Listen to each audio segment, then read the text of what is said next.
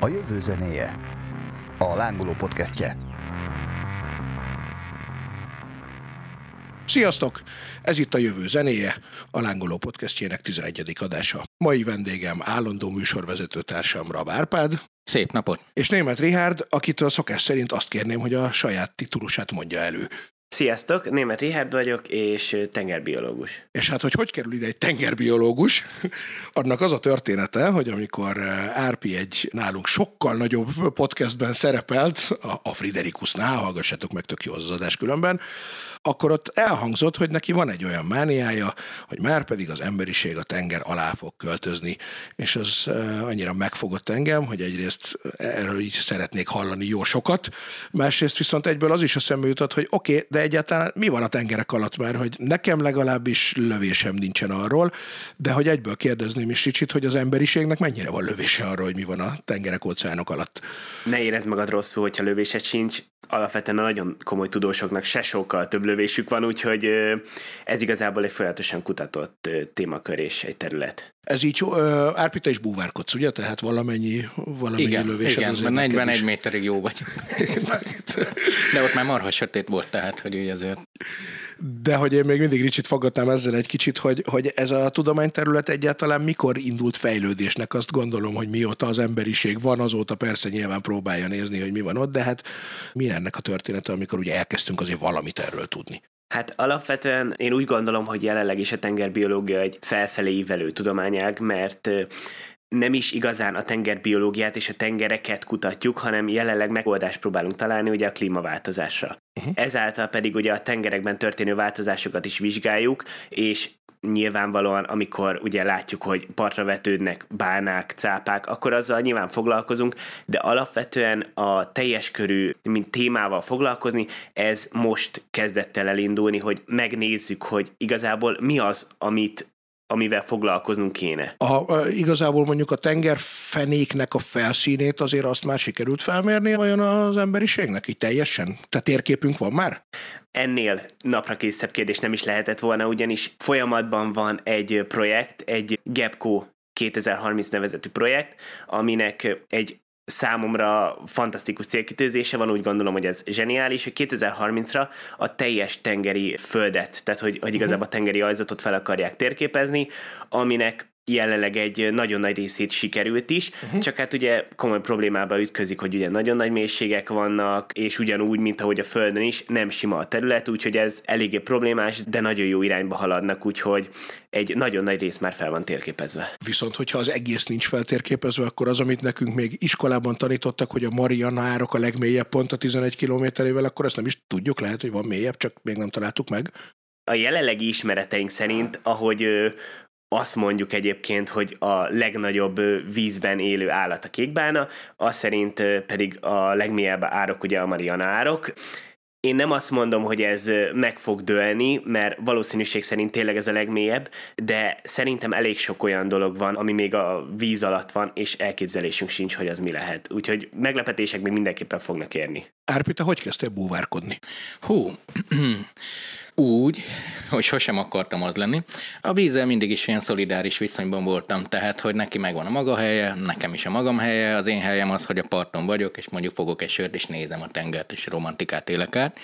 De egy ilyen innovációs projektben egy nagyon jó emberrel találkoztam, nagyon jó barátom lett, és ő búvárkodott. És hát a klasszikus, ugye, beetetés az első alkalom ingyen van szinten, de ö, én ugye úszni nem nagyon tudok, bár az én állításom az, hogy tehát én lassú kutyában úszom, ezt én fejlesztettem. Ki, szeretem, úszó ismerőseim meg ilyenkor kiborulnak idegleg. Lényeg az, hogy nagyon megszerettem, pedig iszonyú sok félelmem volt, tehát eleve nem szeretem a szemembe megy víz, az egész fura, de kipróbáltam, tetszett, és akkor ennek van egy ilyen, hogy bekerül az ember sodorvonalba, ilyen barátai lesznek, sikerült eljutnom egy-két gyönyörű helyre, úgyhogy tetszett, nem vagyok profi búvár ilyen értelemben, de az, hogy olyan dolgokat láthatok, amit amúgy nem láthatnék, meg megismertem egy új közeget, illetve számomra ez egy repülés, tehát ott az ember is súlytalan, és akkor így lebegek, és egy hihetetlen jó stresszoldó. Úgyhogy ilyen abszolút hobbi búvár vagyok, és jó volt megismerni ezt a közösséget, de amiért jó a kérdés, hogy azért is jó, mert hogy tényleg ilyen félelmeket győztem le. Tehát nem az volt, hogy mindig is ez akartam lenni, hanem igazából nem akartam, csak láttam, hogy jó, és nagyon megszerettem. Ricsi, te is búvárkodsz? Ez összefügg a, tehát hogy lehetsz úgy tengerbiológus, hogy nem búvárkodsz? Hát ö, alapvetően ö, én ö, úgy mondom magamat hobbi búvárnak, hogy nem palackkal, tehát hogy pipával és békatalpal, de azzal, amikor csak tehetem, hogy külföldre megyek, akkor nagyon aktívan. A vizsgát még nem tettem le, már folyamatban van, de odáig még nem jutottam el sajnos. Na és tengerbiológus, hogy lesz az ember Magyarországon, a, aminek nem mossa három tenger a partjait? Most éppen legalábbis. Erre talán azt lehet mondani, hogy bizonyos szempontból szerencsés, ugyanis kicsi a konkurencia.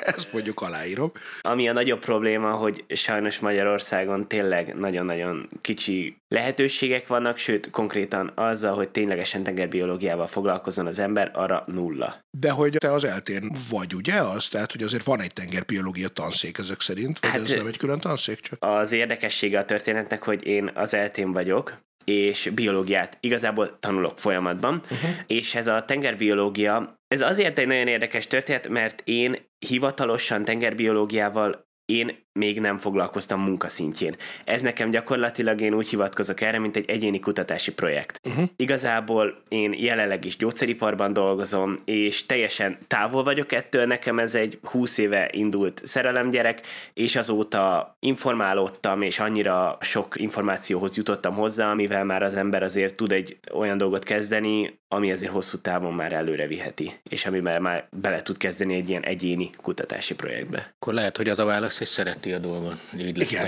ez, ez mondjuk sose olyan óriási nagy baj, nem? Hogyha az ember valamit csinál, akkor ezt is elmondhatja róla. Azt mondta tehát, hogy 2030-ra fel lesz térképezve a topográfiája a tenger alatti vidékeknek. Az élővilágáról mennyit tudhatunk most? Azt mondják, hogy nyilvánvalóan ez a feltérképezés azért is fontos, mert a feltérképezés során nagyon könnyen lehetséges, hogy olyan állatokba futunk bele, amikkel még nem találkoztunk.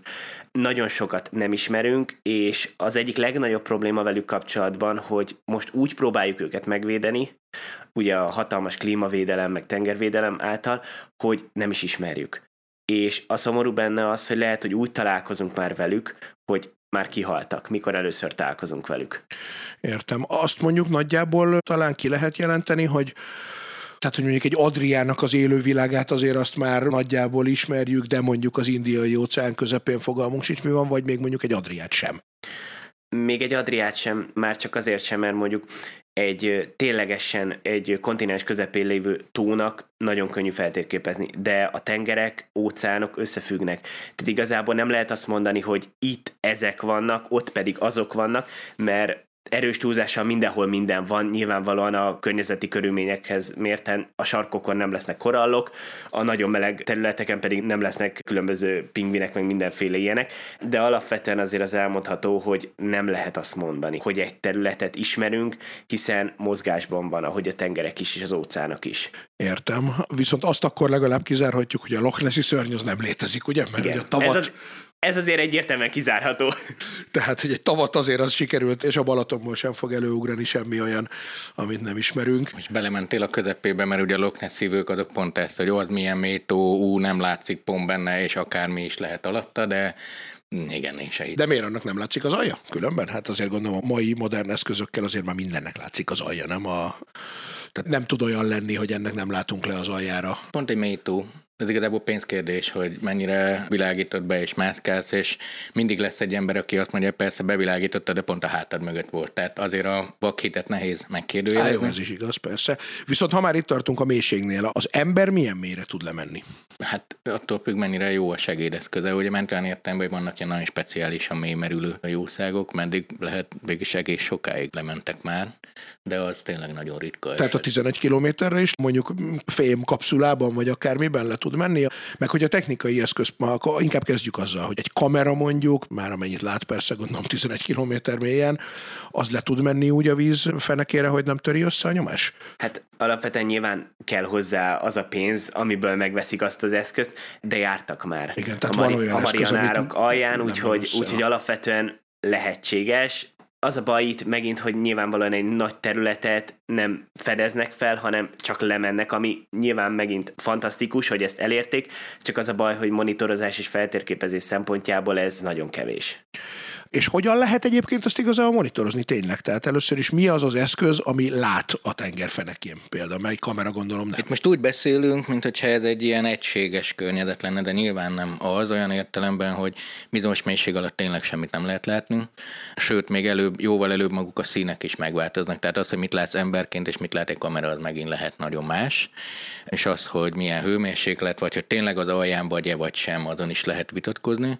De az is tény, hogy vannak olyan rétegei már ennek, ahol tényleg nem tudunk másképp, mint hogy gyakorlatilag szúró próba és a technológiai vívmány, hogy lementünk odáig, de nem fogjuk megismerni, vagy nagyon arrébb van, hogy megismerjük. Én a tengereket a Földnek az űrjének tartom, és igazából az űrkutatás sok minden miatt érdekel, a társadalmi hatásai miatt, meg a technológia miatt, de a tenger igazából egy nagyon nehéz környezet, tehát nagyon gyorsan, tehát a nyomás ugye 10 méterenként duplázódik, igazából egy űrről beszélünk olyan értelemben, hogy egy bizonyos mélység után bármilyen hiba azonnali emberéletekbe kerül, vagy bármilyen felfedezés nagyon-nagyon drága. Tehát nem véletlen, hogy eddig nem estünk neki, azért mert volt minden, ami kényelmesebb volt. A levegő az tök jó jön egyébként. Tehát, ha valamire megtanít a búvárkodás, az az, hogy milyen gazdagon élünk a levegőben. Az első két merülésemnél nyilván azonnal elfogyott, és olyan megalázó helyzetekben lógtam a kollégák csöveiről, és abszolút nem bántam, mert hogy kaptam levegőt. A lényeg az, hogy veszélyes is környezet is ilyen szempontból, és azért drága, mert hogy valóban nem látsz messze. Más kérdés az, hogy azért, amikor nem tudom, a tengerek megismeréséről beszélünk, akkor ennek is lehetnek szakaszai, tehát először nyilván a barátságosabb környezeteket nem kell egyből az 1000 méter mélyre. Nagyon-nagyon sok olyan rész van, ahol nem tudom, 40-50-100 méterről beszélünk. A 40 méter is már igazából nagyon veszélyes, négyszeres a nyomás, sok mindenről kell beszélnünk a nitrogéntől kezdve a színeken át, de azért az már úgy feltérképezhető, attól függ, hogy mit akarunk vele. De Bocsánat, én... a nitrogénről miért kell beszélnünk? Az mi? Mit csinál? Vagy kevesebb van, sok van, mi történik, hogy jön a képbe a nitrogén? A, ja, csak azért, csak egy ilyen érdekesség, ugye, hogy merülsz lefelé, megnövekszik a súly, a nyomás, bocsánat, és egyre több nitrogén van, a, tehát a nitrogén-oxigén arány megváltozik. Ami, a véredben vagy a testedben? Igen, véredben. Aha. Ami igazából technikailag azt jelenti, hogy egyik pillanatról másikra kerülhetsz olyan állapotban, mintha teljesen matta részeg lennél, és elveszíted a fókuszt, ami technikailag úgy néz ki, hogy mondjuk nem merülsz egyedül, és látod, hogy a haverod mondjuk elkezdi leszedni magáról a cuccot, vagy elkezdi kaparni a talajt, mert ő nem tudja, mit csinál, Aha fölhúzott két méterre fönnebb, és akkor azt mondja, hogy mi volt ez.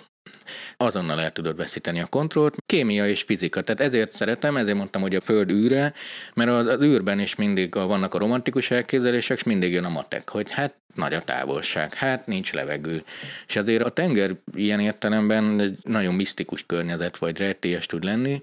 Mondjuk azt, hogy fő célunk az a rész, ameddig lesüt a nap. Na már most addig lelátok, és akkor azok a kérdések, amikkel jogosan sarokba szorítod a fiatal embert, aki rendkívül diplomatikusan csusszan ki a kérdéseidből, megvan válasza, vagy ameddig lesüt a nap, addig tökre tudjuk, mi van. Uh-huh. És meddig süt le a nap egyébként? Hány méterig kb? Hát ez víz tisztaság, de mondjuk úgy optimális esetben 18-20 méter egy szép tiszta tengerben. Mert hogy igazából én eset persze nyilván ez is gondolom helye válogatja, de hogy a 18-20 méter annál azért minden mélyebb, ugye? Tehát az Lesz. maximum apartmenti vizekben lehet. Nagyon sokszor apartmenti vizek az egyik leggazdagabb élővilágban, nem feltétlenül ugye nagy állatok szintjén, de apartmenti területek, hogyha mondjuk homokos, akkor különösen, főleg puha testűekkel nagyon-nagyon-nagyon tele van, úgyhogy... Most nem az emberekre gondolsz. Nem. úgyhogy már alapvetően az is nagyon jó, hogyha azt az ember látja, mert azokból is nagyon sok minden leszűrhető. És hát, hogyha ennyire Árpihoz fordulok ismét, ennyire barátságtalan a ez a tenger, akkor miért is költöznénk mi oda? És mikor végre ne csigázzuk tovább a hallgatót, hogyha ezzel kezdtük. Hát a tengeri csiga az egy nagyon szép élőlény. Nem azt mondtam, hogy most akkor mindenképp oda kell mennünk, de különböző utak vannak. És hogyha abból indulok ki, hogy a Földnek 75%-a tenger, vagy víz, Abból indulok ki, hogy tök jó jön bizonyos védelem akár a napsugárzás ellen. Abból indulok ki, hogy nincs elég kaja és tudok a víz alatt termelni. A kulturális dolgok mindig gyorsan változnak. Most azt mondjuk a moszat kajákra, hogy nem olyan jók, de majd ha éhesek leszünk, akkor a japán moszatleves is ízlik. A Ez, ez egy... Az a, az a mizóleves különben? Igen, Én nekem igen. most is ízlik. Ez tök jó. Én azt A semmi nem mindenképpen jobb. Ne, tehát, én, azt, én, azt, én azt Bárki bármit mond, az képes vagyok. éhenhalásnál jobb. Én, én azt képes vagyok magamtól is rendelni, tehát, hogy az nem egy olyan dolog, ami csak az éhenhalás ellen van nekem például. Na igen, bocsánat. Akkor te leszel a líder csoport, aki örömmel fogyasztja majd ezt, és lesznek azok, akik azt mondják, hogy nem vagyok én jó, nem akarok zöldet enni. Visszatérve ezek azért inkább ilyen feltérképezések, kíváncsiságok, elérkezik, vagy elérkezhet az a pont is, és akkor lehet vitatkozni, hogy a föld alá vagy a víz alá. Víz alá menni egyszerű. A víz alá menni ott még van rengeteg nem csak hogy helyünk, de azért értékünk is, tehát hogyha már a, akár a víz alatti bányászatról beszélve, amik eddig mindig túlságosan is drágák voltak, de hát az űrbéli bányászat is nagyon drága, most mégis arról beszélgettünk, és ugye hamarosan a holdnak a gyarmatosítása következik. Szóval azért... Igen. Tessék? Igen. Aha, az most, Na, most egy jó. nagyon izgi, erről űrjogról majd beszéljünk egyszer. Jobb egy adás nagy- témája merült föl hirtelen. igen, ez arról is szívesen. Szóval a lényeg az, hogy van egy területünk, ami nagyon izgalmas, és igaz, hogy veszélyes, viszont rengeteg lehetőséget rejt magában. Akár csak arról beszélek, hogy a zöld energiának az árapály felhasználását. A probléma viszont az, hogy ha tömegileg kezdünk bevonulni, akkor valószínűleg az is lehet, hogy pont az értékeket azonnal tönkretesszük. Tehát már most is eléggé mostohán bánunk a tengerekkel, de itt a puha testűek közé a turistákat beszámol, vagy valami, tehát pont a partmenti zónákat, mondjuk ilyen luxus villákat kialakítunk, akkor ebből probléma lehet. A másik az, ami amellett szól, hogy most elinduljunk, hogy itt mindenképp egy zárt környezetről lesz szó. De az emberiség most először képes arra, hogy egyre több örömet átéljen a digitális térben vagy távolról. Tehát régebb egy embert levittem a tenger alá egy hétig, akkor az ö, olvasott, és nem tudom, horrorfilmet forgatott a társaival együtt.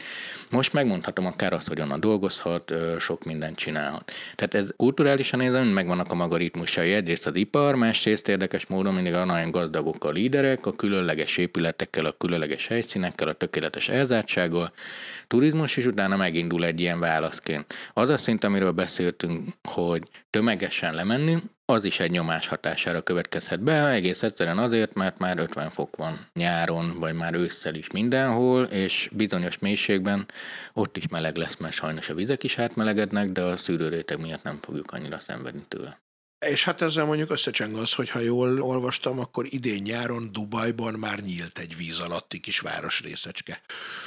Igen, ők egyébként nagyon jól keresik az ilyen részeket, ugye ott egy pénzügyi transformációról van szó. Ők nagyon nagy okosváros projekteket is indítottak, ami szintén ugye erről fogunk is beszélni egyik következő adásunkban.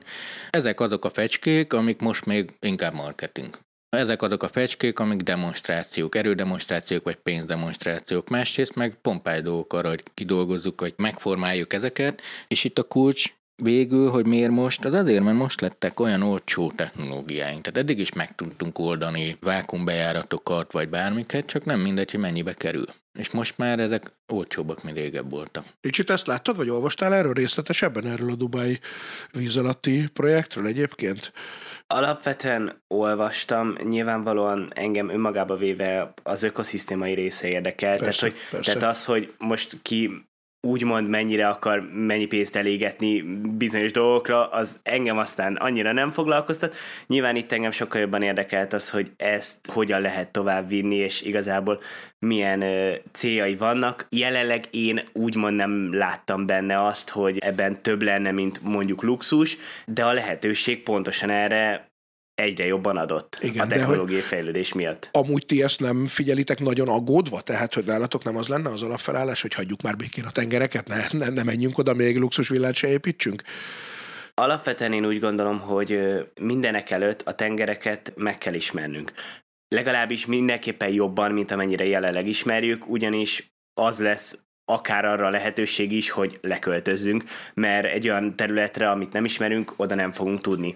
Nyilvánvalóan ezért van az, hogy próbáljuk ugye most a marsot is kutatni nagy erőkkel, bár ott azért egyre inkább azt érzem, hogy ott az inkább egy látvány zajlik, mint tényleges próbálkozás, mert nagyon jó, hogy már kiküldünk mindent, de igazából még mindig nem tudtuk megmondani, hogy vannak-e élőlények bármilyen formában, vagy nincsenek, de a tengereket mindenképpen először meg kell ismernünk, és utána kell a lehetőségeinket, mert végeredményben szerintem bárki, aki azt mondja, hogy az ő érdeke nem fontos, az borzasztóan képmutató. Mindenki azt szeretné, hogy neki jó legyen, és a Földön lehetőség legyen a jövőre. És hogyha ezt a tengerek teremtik meg, akkor a tengerek együtt lehet élni a környezettel. A szárazföldön sajnos nem ezt látjuk, mert az ember mindent kisajátít, de én úgy gondolom, hogy ha a szárazföldön kaptunk egy hatalmas nagy pofont, akkor lehet, hogy abból bizonyos szinten az emberiség tanulhat, és akkor már együtt tud működni a tengerrel és a földdel.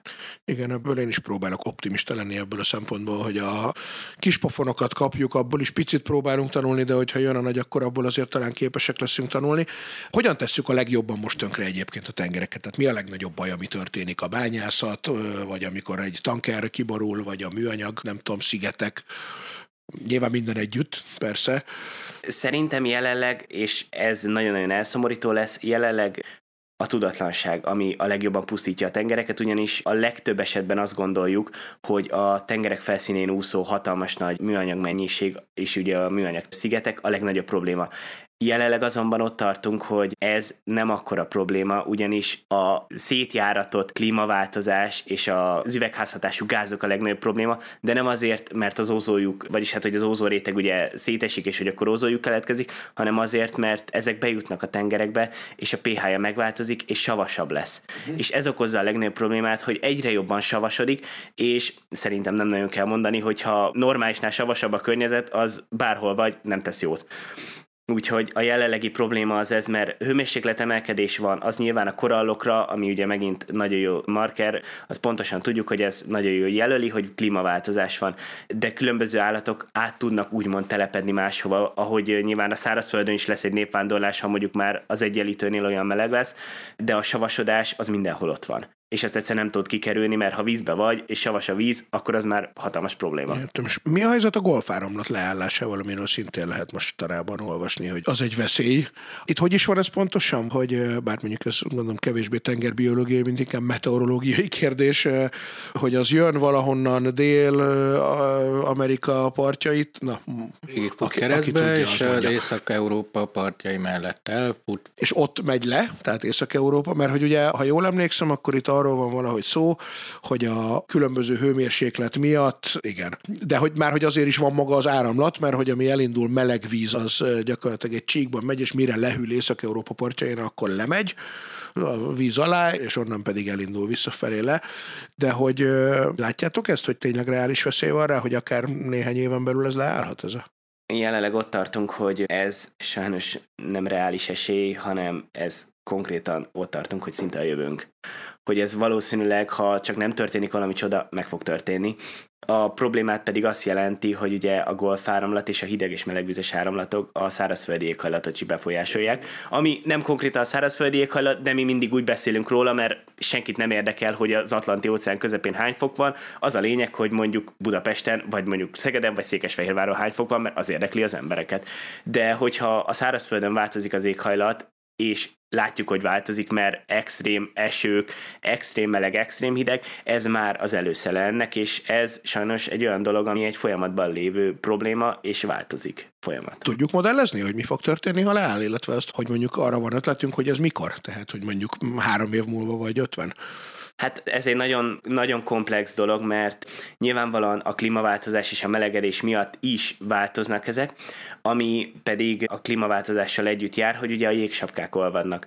Ezzel együtt ugye elkezdődik egy vízszintemelkedés, ami már a szárazföldi tengerközeli területeket már elmossa, és ez gyakorlatilag egy olyan felmelegedést per lehűlést indít el bizonyos területeken, ami olyan szinten megváltoztatja, hogy nem azt mondom, hogy teljesen alkalmatlan, de nyilván az 50 fok az már alkalmatlan az életre. A mínusz 20 még nem, mert felöltözni fel tudunk, de hogyha már nem tudunk azon a területen mondjuk termelni, akkor úgymond alkalmatlan az életre és egyre több ember van, és azt mondják, hogy körülbelül 12-13 milliárd a föld eltartó képessége, és hogyha beleszámoljuk azt, hogy egyre csökkenni fog azoknak a területeknek a száma, ami ellátmányt tud adni, akkor itt nagyon komoly népvándorlás és nagyon komoly népsűrűség lesz, ami pedig hát problémákat. Igen, na de itt jön a képbe a tenger, ugye? Mint táplálékforrás, és mint az. Igen, itt jön képbe a tenger, mint hogy van helyünk, stb.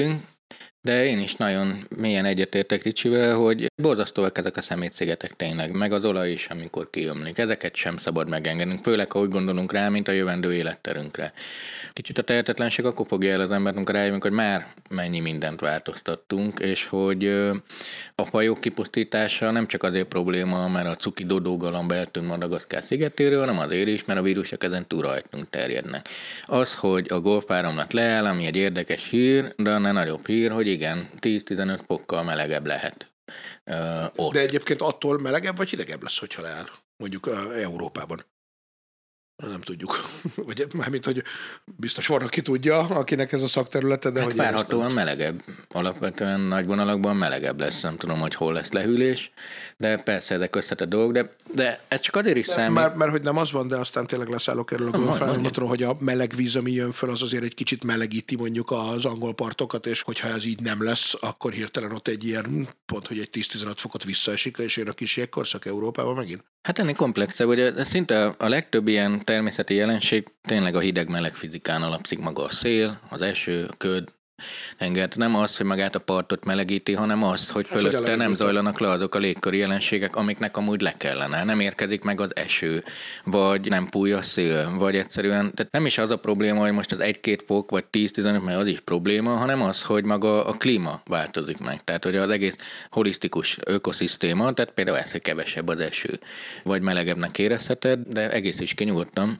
Csak annyit, hogy nyilvánvalóan ilyen jellegű éghajlati változás a mi életünkben és a mi ismereteinkben nem történt még, ezért nyilvánvalóan adja magát, hogy melegedés lesz, mert folyamatosan egy melegedő fázisban van az egész bolygó a klímaváltozásnak köszönhetően meg különösen, de pontosan, ahogy mondtátok is, pontosan adott területen nem tudjuk, mert minden leáll, akkor lehet, persze, lehetségesen persze. melegebb lesz, de az is lehet, hogy valami tengerközelség vagy bármi miatt egy komolyabb lehűlés lesz, de ez adott területre vonatkozik, főként melegedés várható. Szerintem a fő probléma, vagy ami mindenképp lesz, az az, hogy az addigi helyzet felborul. Tehát, hogyha addig hűvösebb hajlatot kedvelő növények voltak, hogy mondjuk szerették az esőt, és milyen szép Izland, és milyen szép valami, azt tudti megváltozik. Az ökoszisztéma megváltozása hoz magával a dolgokat egymás után, tehát a termelési lánc megváltozása, stb. A másik, amire szerintem itt figyelnünk kell, hogy ezek a változások tényleg zajlanak. Én tudom, hogy lehet vitatkozni, vagy, vagy sokan vitatkoznak, hogy van-e egyáltalán klímaváltozás. Ezen mondjuk szerintem fölösleges vitatkozni. De pont, hogy Ricsi, már. Igen, de hogy amit Ricsi is mondott, hogy megérteni pontosan, ilyen értemben ezt modelleznünk kell és felkészülni. Ha azt látjuk, hogy ez így fog zajlani, az embernek nagy a tűrés határa, csak akkor erre készülni kell. Tehát, hogy akkor vagyunk szerintem nagyon bénák, hogyha így állunk, és azt mondjuk, ezt nem gondoltam volna. Mert akkor végig akkor hülyék vagyunk. Tehát ugyanúgy, mikor a magánéletben is, hogy hát ezt nem gondoltam, ez, oké, okay, ez, ez, ez a te felelősséged. Hát mi nem azt jelenti, hogy most pánikba kell esni, vagy valami, de hogy ezekről igen, így kell beszélni, vagy készülni. Tehát gyakorlatilag eljöhet az a pont, hogy mire oda mennénk, hogy lemegyünk a tengerek alá, hogyha az én egyik szívprojektem, mondjuk nem azért valósul meg, mert az én szívprojektem, de hogy már addigra végül is annyira élhetetlenné tesszük, hogy már csak egy védőrétegként funkcionál nekünk és helynek, és nem egy gazdag élővilágnak. Mert amúgy érdekes módon ugye nem a mi közegünk a tenger, de hogyha most csak játszunk a gondolatokkal egy kicsit a szifi, de az ember meghódítja, akkor igenis új kultúra alakul ki, az úszás lesz a pontos, a búvárkodás, a festményeinken halak szerepelnek, újfajta művész művészetek, tehát hogy itt egy másodlagos felvirágzást is hozhat, ez egy új élettér. A természetes életünk a levegő volt eddig, de csomó minden lehetne, kivéve, ha mondjuk már annyira savas, hogy nincs benne semmi, mert akkor nem lesznek festmények a halakról, hanem a teljesen fekete tengerről lesz. De visszatérve arra, hogy ezek a változások, mint egy golfáramlatás, csomó minden zajlik, tényleg ezek az első dolgok, hogy feltérképezzünk, és ezért imádtam, hogy ezt kérdezted először, de hogy mennyire tipikus, hogy végül is nagyon nagy doményei vannak az emberi tudásnak, ami nincs még. Tehát az emberi agy sincs még feltérképezve, de a tengerek sincsenek, és nézzük az űrprojekteket. Én például az űrprojekteket azért szeretem nagyon, mert szerintem abszolút vissza lesznek vezetve a tengerre. Tehát a, a Mars terraformálása szuper, de az, hogy én innen gyakorlatilag az űrin internet segítségével leegyszerűsítve tudom mozgatni a marsjárót, ezt én imádom, hogy ezt meg tudjuk csinálni, de én mindig azt képzelem el, hogy akkor tényleg ott 100 méter mélyen majd a brit szigetek mellett programozók fogják jelenteni a robotokat, akik pörszántják a tenger alatt a pöldöcs, megépítik nekünk a bázisokat, hogy lemehessünk. Ezt mind robotok fogják csinálni. A tengert nekünk robotok fogják meghódítani. Az, hogy működjenek, algoritmusok fogják irányítani. Az, hogy itt szórakozunk, hogy jaj, jaj, a Facebook algoritmusa milyen gonosz, értem, de amúgy megfejlesztünk egy olyan intelligenciát, ami megnyit számunkra egy új közeget. Hogy képzeled egyébként te mondjuk a gyakorlati részét? A megépítését értem, de hogy akkor mondjuk ezek ilyen százezres milliós városok lefelé terjeszkedve partmentén, tehát nyilván logikusan először az, vagy pedig szigetek valahol, mesterséges szigetek, amik szintén lefelé terjeszkednek, vagy, vagy szerinted? Ilyen helyzetekben az űrben is, meg a víz alatt is mindig a mékasszerű és az ilyen hozzánövések vannak. Tehát először van valami, és hozzánövesztesz valamit, amik között kell legyen újabb zsilip, újabb lezár eljárás. Tehát mindenképpen sokkal méhkasszerűbb, sokkal zártabb, sokkal inkább egy ilyen organikus fejlődés, ahol az lesz, hogy melyik a jó hely, vagy mit akarsz elérni. Az ember egy társas lény, egy konnektált társadalom, tehát azt jelenti, hogy először azokat, ahol meg tudjuk csinálni, hogy a települések közötti internet jól menjen, a települések közötti menetrendszerű tengeradatjárójárat ne késsen, és így tovább, de ezeket mind ki kell találni, amiket így hoznak magukkal, és ez úgy van, hogy igazából az, hogy mennyibe kerül a technológia, az, az döntés kérdés kérdése mindig, hogy mennyire adunk egy technológiát. Ha elindul és elkezd terjedni, a lényeg az, hogy ezek szerintem úgy lesznek, hogy először X 1, 2, 3, 4, lesz majd olyan, hogy ú, egy kisvárosnyi ember leköltözött, és milyen csodálat, és elmondják, hogy ők még boldogok ezért, és akkor organikusan szépen elkezdenek ezek így összepasszolni, mint ahogy a vízcseppek egymáshoz közelítenek. Van a másik forgatókönyv, az az, hogy rettenetesen nagybaba kerültünk, pánikba esünk, és rohanunk lefelé, és rugdossuk a többieket, hogy ők ne jöjjenek utánunk, ez nem lesz jó. Hát reméljük, ez mondjuk nem is lesz egyébként. Ha belekapaszkodva abba a mondatodba, hogy minden annyiba kerül, amennyi a mi döntésünk, ugye Ricsivel pont erről beszélgettünk az adás előtt, és azt beszéltük meg, hogy majd inkább itt fejtsük ki a mikrofonok előtt, hogy ugye a tenger, mint éltető táplálék, vagyis hogy hát víz. Ugye elvileg van nekünk technológiánk a tengervíz sótlanítására, csak azt mondják, hogy hát azért nem használjuk, mert nagyon drága. De hogy akkor ez valójában lehet akár mondjuk az édesvízkészlet problémára megoldás? Alapvetően nyilván lehet megoldás. Ez, ahogy te is mondtad, ez pénzkérdése, ami meg általában az érdekekkel szokott ütközni, ami meg az érdekütközéssel, meg akkor már a nem akarás is bejön, hogy egészen egyszerűen akinek van, annak nem érdeke, akinek meg nincs, annak meg, hogyha vize nincs, akkor valószínűleg technológiája sincs arra, hogy ez kifejlesz-e, úgyhogy sajnos itt a probléma az az, hogy eltekintünk tőle, legyintünk, hogy neki rossz, nekünk van, amíg nekünk van, addig jó, és sajnos ez az, ami szerintem egyébként a Földön is nem annyira viszi előre az ilyen irányú kutatásokat, mert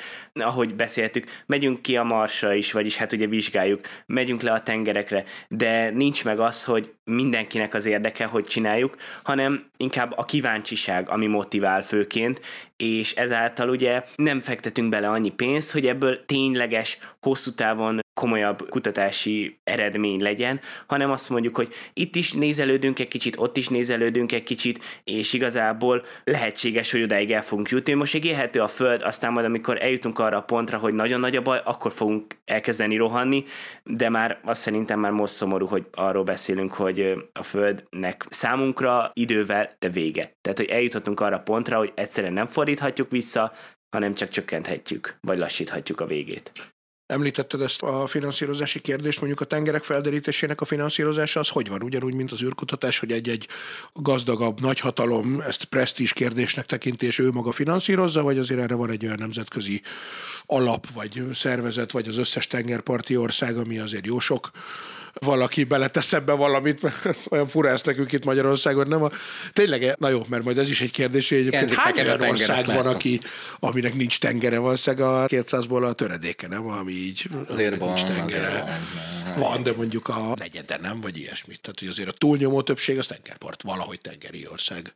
Szerintem most a hallgatóink egy része már azonnal ki is kereste a Google-ból, hogy nem egyre, de szerintem jó közelítés volt. Na, szóval, hogy hon, honnan van erre pénz? Hát nyilvánvalóan ugye, mint például ugye az Európai Uniónak is van olyan alapja, ami mondjuk a környezetvédelemre, vagy ugye az ilyen irányú kutatásokra menjen, ebben, mint minden másban, Amerika zászlóshajóként viselkedik, ő az, aki alapvetően az egyik legkomolyabb pénzt nem tolja bele, mert ő maga végzi, de ez főleg azoknak az országoknak, meg azokban az országokban működő kutatócsoportoknak, meg projekteknek az érdeke, akiknek mondjuk valami komolyabb problémájuk van. Tehát ott van például mondjuk Hollandia. Hollandiának igenis el kell kezdenie vizsgálódni, mert hogyha nem kezd el vizsgálódni, akkor belátható időn belül egy nagyobb hullám gyakorlatilag nem, hogy egy kicsit több, mint a partot most el, hanem az ország határt befelé.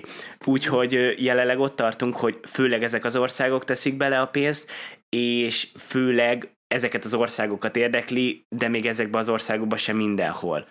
Nyilvánvalóan a szegényebb régiókat nem, tehát Afrika és Ázsiának egy bizonyos része ebből ugye kiesik, úgyhogy Európa, Amerikának, ugye főleg Észak-Amerika, meg hát azok a gazdagabb területek, ami mondjuk közel-kelet, vagy mondjuk Japán, akiknek tényleg erre van költségvetésük, de bőven nem kerül be annyi pénz, amennyire szükség lenne. Hollandiának egyébként vajon lehet forgatókönyve arra, hogy mi van akkor tényleg, ha megemelkedik ott akár csak egy fél méterrel a vízszint, és az egész ország megy a tenger alá? Hát erre talán az egyik legjobb példa, sajnos a saját bőrükön megtapasztalhatták Velencét. Ott ugye egy nagyon komoly gátrendszert kiépítettek, de az már olyan utolsó pillanatos volt, hogy a Szent Márk téren az teljesen normális volt, hogy az mondjuk úgy egy magasabb vízállással azt úgy ellepte. Ja persze, hát az gyakorlatilag... Az, az, egy, az mondjuk úgy, hogy egy kedd délelőtt volt. Tehát, hogy egy átlag kedd délelőtt volt, és ott azért ez sikerült kialakítani, de hát például Hollandia nagyon komoly problémákat élhet át. Arra van esély különben, hogy egy csendes óceánt, vagy egy atlanti óceánt, bocsánat, megfogjunk egy gáttal. Erről szerintem hosszasan lehet beszélni. A végeredmény az az lesz, hogy nincs. Mert ekkora víztömeget egészen egyszerűen nem lehet. Vagy lehet, de az olyan aránytalanul drága, ami már szerintem egy új földet fel lehet annyiból építeni. Tehát, hogy ez... Igen, meg hogy azért azt teljesen laikusként is sokkal nehezebben tudom elképzelni, hogy bár szárazföldön, de úgy éljünk, hogy egyébként tudjuk, hogy még három méternyi víz, három méter magas víztömeg az így ott van a fejünk mellett tulajdonképpen, ami bármikor áttörhet, akkor már inkább alatta tehet, hogy igen, tehát ez amit az Aikidót tanít nekünk, tehát az ő energiát kell a saját segítségünkre megformálni, vagy önmag ellen fordítani. Tehát az ember olyan paj, ami a természetet szereti legyőzni. Vannak erők, amiket nem tudunk, de nem is kell, sőt, akkor vagyunk erősek, ha a szárnyára ülünk. Tehát a, a tenger az nem ellenség, nem az, hogy végtelen falakkal, hanem használjuk az energiáit, nem tudom, úszópöldrészek, tehát hamarabb lesznek egyébként úszóvárosok, csak mondjuk a tenger felszíne jóval veszélyesebb, mint alatta egyébként. Van alatta kiszámítható, fölötte meg viharos és a hullámok. Tehát, hogy az úszóvárosoknak ez a problémája. Egyébként a víz alatt tök nyugi van. Ha nem pullad meg, meg nem nyom a nyomás össze, ez a két ez, apróság. Ez semmi gond. Ja, jó, hát, jó, hát Igen. mit mondjak, tehát, hogy, de, ez kiszám, de ez kiszámítható is fizika. Még viharoknál akkor egy olyan város kell építenem a tenger felszínére, ami a legdurvább viharnak is ellenáll, ami extra erő befektetése egy város létrehozásához, ha amúgy ezért. Én azért annyira nem látom pessimistán azt, hogy elvesztettük a földet, vagy sem. Az ember nagyon rugalmas. Vagy az tény, hogy az a nagyon kényelmes, vagy, vagy nagyon szerethető és csodaszép zöld pöld, stb. súlyos csapásokat szenved, ez tény rémüljünk meg, de ez legyen kreatív félelem. Tehát a félelem ne bénítson meg, hanem hogy így, ez, ezt kéne végig gondolni, ezért megismert tengert, hogy akkor mit építsünk. Tehát nem az lesz, hogy mindenki a tenger alá megy, de Hollandiának Igen, jó lenne, ezt hogy... akartam is kérdezni, mm-hmm. hogy egyébként ez a te víziódban ez a mindenki, vagy pedig akkor itt nem. is, ott is. Például miért ne lehetne az, hogy Hollandiának a harmada ilyen félvíz alatti ország, tehát ugyanúgy megvan az ő területük, csak igen, ott már elöntötte a tenger, hogy úgy mondjam. De mondjuk bizonyos... Tehát... Bocsánat, csak a közvetésért, hiszen azért ott, hogyha el is önti a tenger, ott viszont mondjuk egy-két méterről beszélünk, ugye, tehát, hogy az nem, az, nem, nem azt jelenti, igen, hogy ott 30-40-50-100 méteres mélységben lenne csak szárazföld, hanem akkor gyakorlatilag egy kis túlzással, mint a római parton a lábokon álló cölöpházak, már mint itt a budapesti római parton, akár azt meg is lehet csinálni, hiszen csak néhány méter. Meg is lehet, kell. és pont nekik van pénzük, és igen, az abszolút van, hogy akinek nincs pénze, az akarná, de nem tudja, de azért ezeket az üzlet és a piac, meg az egyszerű gazdasági törvényszerűségek segítenek. Tehát amikor ilyen érdektérképeket készítek, akkor én a jósággal ugye nem kalkulálok, az emberek segítenek meg egymásnak, hiszek a jóságban, és magamat is itt tudom én, de hogy az érdekeket nézzük, azt mondom, hogy nem hagyhatok nagyon lemaradni egyeseket, és nagyon eltávolodni tőlük fölfelé, és nagyon hátrahagyni valakiket, mert akkor én se tudok följebb menni. Ezért húzom magam után a legutolsó réteget is, ezért van az, hogy a Földön mindenki jobban él most, mint a középkorban élt. Sokan sokkal jobban élnek, de akik nagyon rosszul élnek, azok is jobban élnek, mert fölhúzott, hogy legyen piac, hogy legyen embermennyisége. Tehát igazából nem tehetjük meg, hogy nem tudom, a brazil elnök nagyon szegénynek érzi magát, és kivágja a fákat, akkor én fulladok meg. Tehát valami módon a brazil elnököt még egy boldogabbá kell tenni, jelöletlen apró címletű bankjegy jegyekkel, vagy ö, ö, nem tudom mivel, de hogy azt nem tehetjük meg, hogy mi építünk itt egy gátat, ugyanúgy, hogy a tengernek nem tudsz ellenállni, a gazdasági változás is elsöpört. Ennyiben az, hogy ivóvizet csináljunk. Igen, gigantikus léptékű projekt. De igazából egy fajnak, aki elért odáig, ahol. Tehát van egy faj, aki elindul valahonnan kis közösségek, globalizálódott, hogy ezt a, a, a valahonnan elindulással kapcsolatos vízimajom elméletet is dobjuk még be majd ebbe a beszélgetésbe, bocsánat, folytasd. Tényleg a jó reg vízimajom. Szóval, hogy megy egy faj, és egy, például egy civilizációs fokmérő, amit egy, egy fajnál azt szokták nézni, hogy túl tudja elni azt, hogy ne égesse fel a saját bolygóját. Ez egy gyakorlatilag 200 éve leírt alaptétel, hogy egy civilizáció eljut oda, hogy felégeti a saját bolygóját. A digitális kultúra is rettentesen sokat állt a Földnek, a hőkibocsátásával, a szerver kapacitását. De hogy másik oldalról meg nézzétek meg, energia problémánk volt, megoldottuk. Tehát az zöld energiát tök jó ki lett találva, és van. Akkor kőolaj származékotól azt hittük, hogy attól függünk, de nem. Ivóvíz problémánk van, de tényleg át tudjuk alakítani. És egyébként pont itt jutott eszembe az, hogy hát magának a tengernek az energiáját is fel lehetne használni arra, hogy átalakítsuk a, a, a sorsvizet. Igen. Vagy akár magát a hullámzást, ami nyilván bizonyos szinten összefügg az árapálya, de akár a szél generálta mm. hullámzást is. Igen, és a geotermikus energiát és ott is ugyanúgy. Ezekkel lehet játszani, és tudom, hogy ez most nagyon szifinek tűnik. Csak amikor így jövőről beszélgetünk, egyrészt izgi, másrészt elhozza azt az igényt, hogy tényleg ismernünk kell jobban, amit nagyon kiemeltél, másrészt, hogy akkor jó egy ilyen jövő kutatás vagy beszélgetés, ha visszavetíted a jelenre, mert igazából most kell elkezdenem valamit csinálni, lehet, hogy száz vagy kétszáz év múlva lesz az emberiség víz alatt. Az is lehet, hogy az lesz az út, hogy a tudatunkat ledigitalizáljuk, és az egész emberiség egy focilabda méretbe elfér. És hát, Igen, egy... viszont az a szerver, az viszont a víz alatt lesz, ami a... Igen, de az és nagyon fontos lesz. A, és a, a két megmaradt vízimajon pedig vigyáz rá, és az on kapcsoló fölött játszik. Sokféle út lehet, de azért kell ezekkel játszani, mert viszont el kell kezdeni időben csinálni. Tehát ezek hosszúak. Ki kell tapasztalni.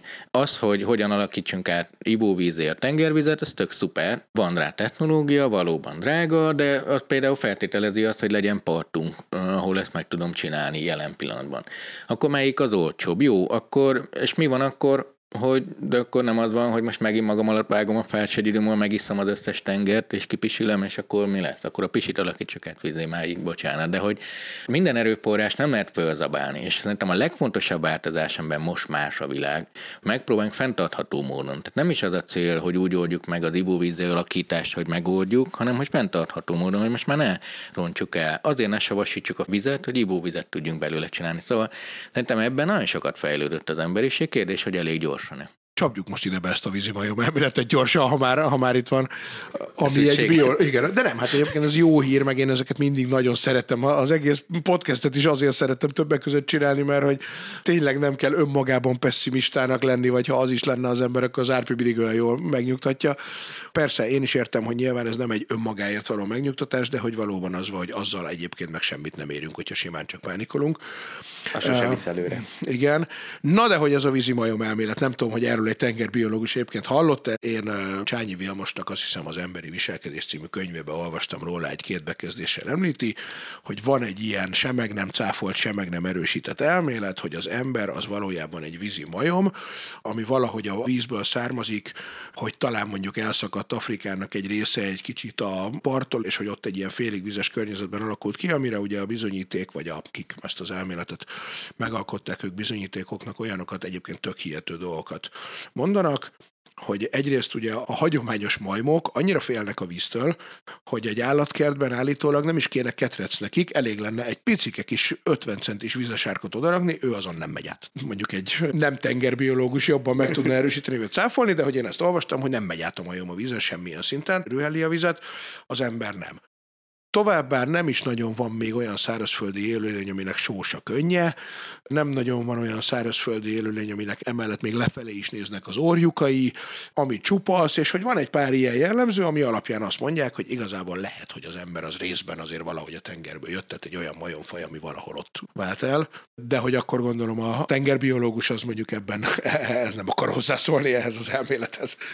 Én alapvetően úgy gondolom, hogy az ilyen dolgokról nagyon jó beszélni. Én őszintén megmondom, nem hallottam még erről az elméletről, de ha belegondolunk igazából, maga a tengerbiológia és a tengerkutatás is hihetetlen szifibe illő elméleteken alapszik, mert olyan dolgokat kutatunk, amit nem tudunk, hogy van-e, aztán majd rájövünk, hogy van-e. Tehát igazából olyan dolgokat feltételezünk, ami lehet, hogy nincs is. Na például? Jelenleg azt mondják, hogy könnyen lehet, hogy létezik és él nagyobb méretű állat, mint a kékbálna. Kékbálna mekkora is? Hát egy foci pályát képzelj el, csak ilyen száz áramvonalasabb. Hát egy 50-es inkább. És ezt mire alapozza a tengerbiológia ezt a dolgot? Igazából ez nem konkrét alátámasztott tény, de ott tartunk, hogy nagyon sok mindent már a mostani ismereteink szerint is fixnek veszünk. Hogy ez így van, ennél nagyobb nem lehet, ennél szúrósabb, ennél mérgezőbb nem lehet, aztán lehet, hogy megdől. Jelenleg úgy tudjuk, hogy így van, de alig ismerünk belőle valamit, és nagyon sok olyan, sokszor álhír, de sokszor tényleges hír van, hogy olyan dolgokat vet a partra a víz, hogy az ember így néz, hogy hát ez nagyon fura, és még nagyjából a leértékelt húsok között a kínai piacon se lát ilyet azért az ember, de hogy azokról pedig nem tudjuk, hogy mi. Úgyhogy jelenleg ott tartunk, hogy bármi lehetséges még. Akár a vízimajom elmélet, ha Igen, igen, és bebizonyosodott, nem mint hogyha az mondjuk a jövő szempontjából olyan sokat számítana már, ha csak nem növesztünk majd újra kopoltyút, de hát valószínűleg a génmanipulációt bár még akár erre is használhatjuk, hogyha oda jutunk. Viszont, hogy egy picit a mába azért visszatérjünk a mai gyakorlatba, hogy egyébként most milyen installációink vannak, amik már léteznek a tengeren. Vannak fúrótornyaink, azt mondjuk tudjuk. Meg például ilyen úszóváros, az létezik amúgy. Van mesterséges sziget is, volt egy olyan hír, hogy a gerendai karcsi, ugye a Szigetes Károly is nyit egy éttermet valahol Kínának egy ilyen mesterséges diszkószigetén, vagy valami ilyen helyen. Aztán nem tudom, hogy a járvány miatt ebből lett valami, vagy nem, de hogy mondjuk erről tudunk, vagy én tudok, hogy, hogy ilyen is van. De mondjuk úszóváros az van? Hát mit hívunk úszóvárosnak azért olyan értelemben, hogy ezek a nagy luxushajók, amik vannak, van néhány, ami simán úszóváros, sőt, bizonyos szempontból egy nagy amerikai repülőgép anyahajó is az 5000 fő személyével, de egy, egy ilyen luxushajó, ezért ezek tényleg nagyok. Tehát Mekkorák így- ezek a hajók? tényleg? Nagyon nagyok, tehát egy elképesztően, tehát hogy több ezer ember 30-40 szinten olyan luxusban, és tehát az, az egy úszóváros, egy úszó luxus kis közösség, csak annyi, hogy nem önfenntartó, tehát itt ugye ez a probléma. az ilyeneken minden van. Te úgyhogy- voltál már ilyenen? Vagy bármelyik ötök? Én igen, Na, mesélj. minden volt. De, de konkrétan Egy bár beszélt bennem. Tehát, amire az emberek alapvetően szüksége van, szerintem minden megtalálható. Na és hogy de egyébként tényleg a viccet félretéve, az egy érdekes kérdés ilyenkor, hogy ezen feltehetően, hogyha ugye utazol, akkor minimum hetekig kell, gondolom, nem? Vagy Igen, igen, azért, hogy, hogy így tehát ez egy mennyire nagy- bírod? Mert hogy nyilván egy tenger alatti lét az ugyanolyan hasonló, mint egy ilyen úszóvárosos lét, hogy akkor ott úgy azon a néhány száz méteren belül tudsz mozogni, meg összességében a lépcsőzéssel akár 50 kilométert is tudsz menni egy nap, de hogy mégiscsak azért egy korlátozott Hát azért ez, most ezek a nagy óceánjáró luxus hajókról beszélünk, meg vannak az alapútvonalaik, vannak hosszabb, rövidebb, de akár az egész földet is körbe meheted vele. Ezeket azért tényleg úgy képzeld el, hogy az utazás kezdetén még a fél évig is tart, elindulsz, nem tudod gyalog bejárni a végére se, tehát nagyon nagyok. Minden szinten találhatók luxuskabinok, medencék, teniszpályák, bármi, amit így képzelni. Egy kisebb város képzelj el, ami nyilván a maga hely kihasználásával, de ez a szabadidőről szól és az élvezetekről. Tehát itt nagyon sok ember azért van, mert felszolgál másoknak, stb. Tehát ez úszóvárosban itt nekünk kellene. Nem önfenntartó, ez egy hatalmas pénzégetés, egy hatalmas élmény, egy hatalmas luxus, ami sokan úgy élnek meg belőle, hogy dolgoznak, sokan meg kiélvezik. De ezek tényleg jellemzően azért általában egy vagy két hetes utakról beszélünk, amik ilyen szuper intenzív. De már azért az is valamennyire egy lakmuszpapírja lehet annak, nem? Hogyha egy-két hét után úgy szállsz ki erről a hajóról, hogy így nagyon most már végre, végre vége van, vagy pedig azt mondod, hogy így hát én itt el tudnék lenni egy fél évet is. Szerintem ez inkább annak a kérdés, hogy ki hogy szeret pihenni. Tehát, hogy én elég ilyen aktív pihenő vagyok, én nagy rohamot kapnék, ha a harmadik nap is teniszeznem kellene, és ez most úgy hangzik, mert nem tudom, milyen kiégesz noblen, nem, egyszerűen nem szeretek napozni se, hanem csak mászkálni rajta, de azért ezek a hajók, ezek mondjuk annyiban tényleg úszóvárosok, itt nem érzed a hullámzást, ha nem akarod, nem látod a tenger, csak egy ilyen kivetítés mész, vigyáznak rád, stb. De azért most csak ahhoz, hogy mit tudunk, hát azért vannak ilyen installációink is, hogy ami fontos volt, megcsináltuk, például internetkábeleket kihúztunk Európa és Amerika Igen, között, na már és nem is egyet, kíváncsi ez, vagyok, ez is installáció. Azt hogy? De valamit akartál mondani az előbb. Ja nem, csak igazából ezzel az úszóváros meg a hajókkal kapcsolatban, hogy igazából az szerintem egy nagyon érdekes jövőbe tekintő kutatás lenne, hogy mondjuk hosszabb távon embereket vizsgálni, akár pszichológiai szempontból, hogy milyen hatással van rájuk az úgymond nem konkrét bezártság, de mondjuk egy ilyen hajón eltöltött fél év, egy év, ami szerintem hosszabb távon egy ilyen úszóváros, vagy akár a tenger alá leköltözésnek gyakorlatilag a kezdetét jelentheti. És visszatérve egyébként az internetkábelre, mert hogy az is tényleg én ezen mindig gondolkodtam, hogy azt úgy fektették le, hogy ment egy hajó, és az egy szép, hosszú kábeldobon, ami nem tudom, ezer kilométernyi. Igen, csak minden egy kicsit nagyobb volt. Tehát az a dob az egy, egy hajó méretű, de alapvetően igen. Tehát az Tehát a az vicces, egy hogy darab hosszú kábel volt, vagy azt valahogy ott olyankor úgy rakosgatták össze, hogy hú, ez itt most elfogyott, akkor most hozunk egy másik hajót, addig fenntartjuk, a én persze hülyeséget, kábel ezek nyilván nem lehet ezer kilométer hosszú kábelt semmire se De, föltekerni. de hogy ez, ez, nem is csak egy kábel ilyenkor, hanem kötegek, és ugye van egy olyan koncepció, hogy milyen pompás lenne, nem szakadna el, de nem mindegy, hova fektetem le, és például ott feltérképezték a tengerfeneket, mert hogy Ott, leteszed ott és szükséges nyilván. Igen. Csak azért mondom ezt, hogy amikor érdek van, akkor értelem beindul, de ez egy hatalmas dolog. De ezt nem csak az optikai kábeleken, azért a telegráf kábelekkel is megcsinált az emberiség, ami arrébb van időben. Tehát, hogy akkor érdek van, akkor szépen megcsináljuk. Az is tény, hogy ezek azért el szoktak szakadni, vagy sem. A mostani optikai kábelek pont ugyanott futnak, ahol a telegráf kábelek futottak annó, mindig ugyanazokat az utakat járjuk be, és ez egyébként segítség is volt nekik, mert amikor az optikaiakat fektették, akkor a telegráf kábelek útvonalon mentek végig. És ha elszakad, akkor megy egy hajó. Lemegy egy robot, felhozza, nem tudom, négy kilométer mélyről, és izé össze. Elképesztő. És fúrótornyom volt már valaki? Vagy te, mint tengerbiológus, a közelében jutottál már ilyennek? Nem, sajnos. Bár azért az elmondható, hogy szerintem ezeket a furótornyokat alapvetően nem úgy van, hogy lehet foglalni időpontot, hogy mikor akarod meglátogatni, mert azért nyilvánvalóan nem annyira szeretik, hogyha ott kontálkodnak az emberek, főleg azért, mert nagyon sokan fel akarnak jutni, főleg környezetvédők, akik azért Ja, hogy igen, persze. Igen. alapvetően kárt tesznek benne, ami nyilván megvan az érthető oldala is, meg a nem érthető oldala is, hogy miért kell kárt tenni abban, ami egyébként működik, meg nyilvánvalóan nem feltétlenül jó az, hogyha ezzel kiszipolyozzuk a környezetet, de még nem sikerült ilyen helyre eljutni. De most már bakans listás. Igen, ezek után. De és egyébként nálatok egy gyakorlati kutatás az merre szokott lenni, vagy hogy néz ki, vagy hogy tudsz te eljutni, milyen helyekre tudsz eljutni így, amikor mondjuk nem csak elméleti kutatást végzel. Hát alapvetően ez szerintem elmondható, mint ami nagyon sok mindennel, ez pénz, idő és lehetőség függvénye. Ez általában nem a Karib-tengeren, nem tudom, kókusz ital szürcsölgetve zajlik általában, ez főként nyilvánvalóan földközi tenger és a környező területek, de igazából az a szerencsés a tengerbiológiában bizonyos szinten, hogy a kicsiben vett mintázás igazából pontosan az egységessége miatt nagyban is könnyen modellezhető. Nyilván nem feltétlen ugyanazt a képet, mert nagyban sokkal több tényező merül föl, de egy kicsiben nézett területen, hosszú távon azért ez elmondható, még mondjuk, hogyha azt mondjuk, hogy kimegyünk a Gobi sivatagba, akkor nem fejtettük meg a sarkörök problémáját.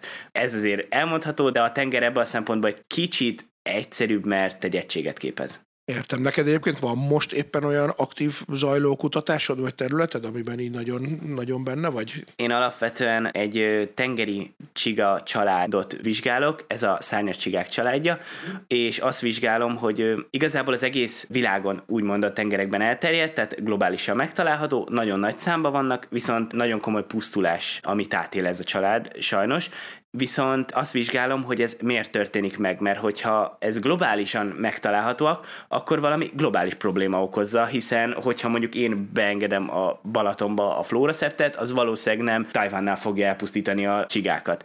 Alapvetően elmondható, hogy a műanyagszennyezés, az olajszennyezés és a savasodást vizsgálom ezeken a csigákon, ami azért fontos, mert az egyik legnagyobb számban megtalálható csigafaj, ami az egész táplálékláncra hatással van, és komoly felborulást okozhat, hogyha ők pusztulnak, és sajnos pusztulnak, de úgy néz ki, hogy jó előjelek vannak arra, hogy meg lehet őket is védeni, és segíteni lehet azt, hogy ezt lassítsuk, vagy akár meg is akadályozzuk. És hogy? Minden csiga mellé egy Egy, egy őrt, őrt, őrt állítsuk, aki felkavarja de, na, de most komolyan, tehát hogy értem, hogy egységes. Mondjuk, ha nem lenne ilyen, nagyon mondott, hogy homogén a tenger, akkor mondhattam volna, hogy a hipotézisednek lehet az is a szápolata, hogy a világon több ponton különböző károk érik, de lesz, lehetnek különböző károk. Mert egyik helyen az olaj, másik helyen a meleg, harmadik helyen a savasodás, de ezek szerint egy dolog végigfuthat ennyire. végigfuthat, nyilván a mértéke az más, tehát hogy vannak olyan országok, és pont azért érdekes egyébként, mert a különböző országokra specifikusan ki lehet alakítani olyat, hogyha mondjuk egy olajnagyhatalom, akkor az olajnagyhatalom mondjuk ne azzal foglalkozzon, hogy a műanyagszennyezés, hanem az olajszennyezés visszaszorításán törekedjen, és alapvetően ezért is lehetne mondjuk átalakítani az ilyen környezetvédelmi egyezményeket, mert ez minden országra egységes dolgokat van, de alapvetően országok és területek szintjén kéne kialakítani az adott dolgot, hogy mindenki mire figyeljen, és hogy visszatérve, hogy hogyan lehet őket megmenteni, ugye nem az a cél, hogy azt a számot megtartsuk, amennyin éppen vannak ma, vagy amikor elkezdtük a podcast beszélgetést, vagy amikor holnap lesz. Mondjuk lehet, hogy néhány tengeri csiga nem így gondolja.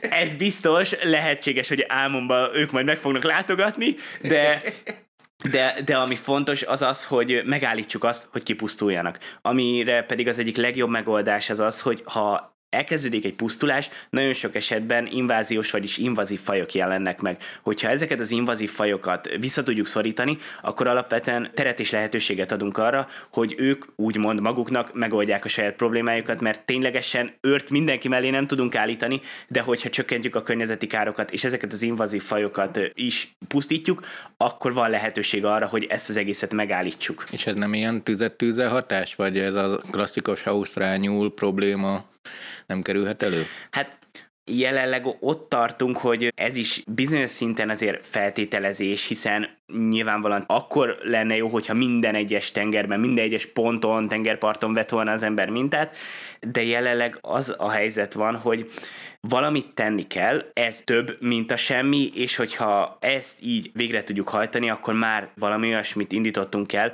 ami nagyobb léptékben is, mert én úgy gondolom, hogy nem az a legfontosabb, hogy elsődlegesen mondjuk a bánákat vagy a cápákat megvédjük, mert az már az egésznek a csúcsa. Alulról kell kezdeni, és hogyha alulról kezdjük, és alulról építjük fel az egészet, akkor a cápák és a bánák is meg lesznek védve, attól függetlenül, hogy azokat az országokat borzasztóan el kéne fenekelni, már bocsánat, hogy így fogalmazok, akik levágják ugye a cápának az uszonyát, és még az élő cápát visszadobják, mert az, Ilyen van. És miért? Ja, mert hogy a cápa úszony az nyilván egy drága dolog, amit el lehet adni pénzért, gondolom. Igen, alapvetően ezt keleten csinálják, és azt mondják, hogy ez a kultúrának a része.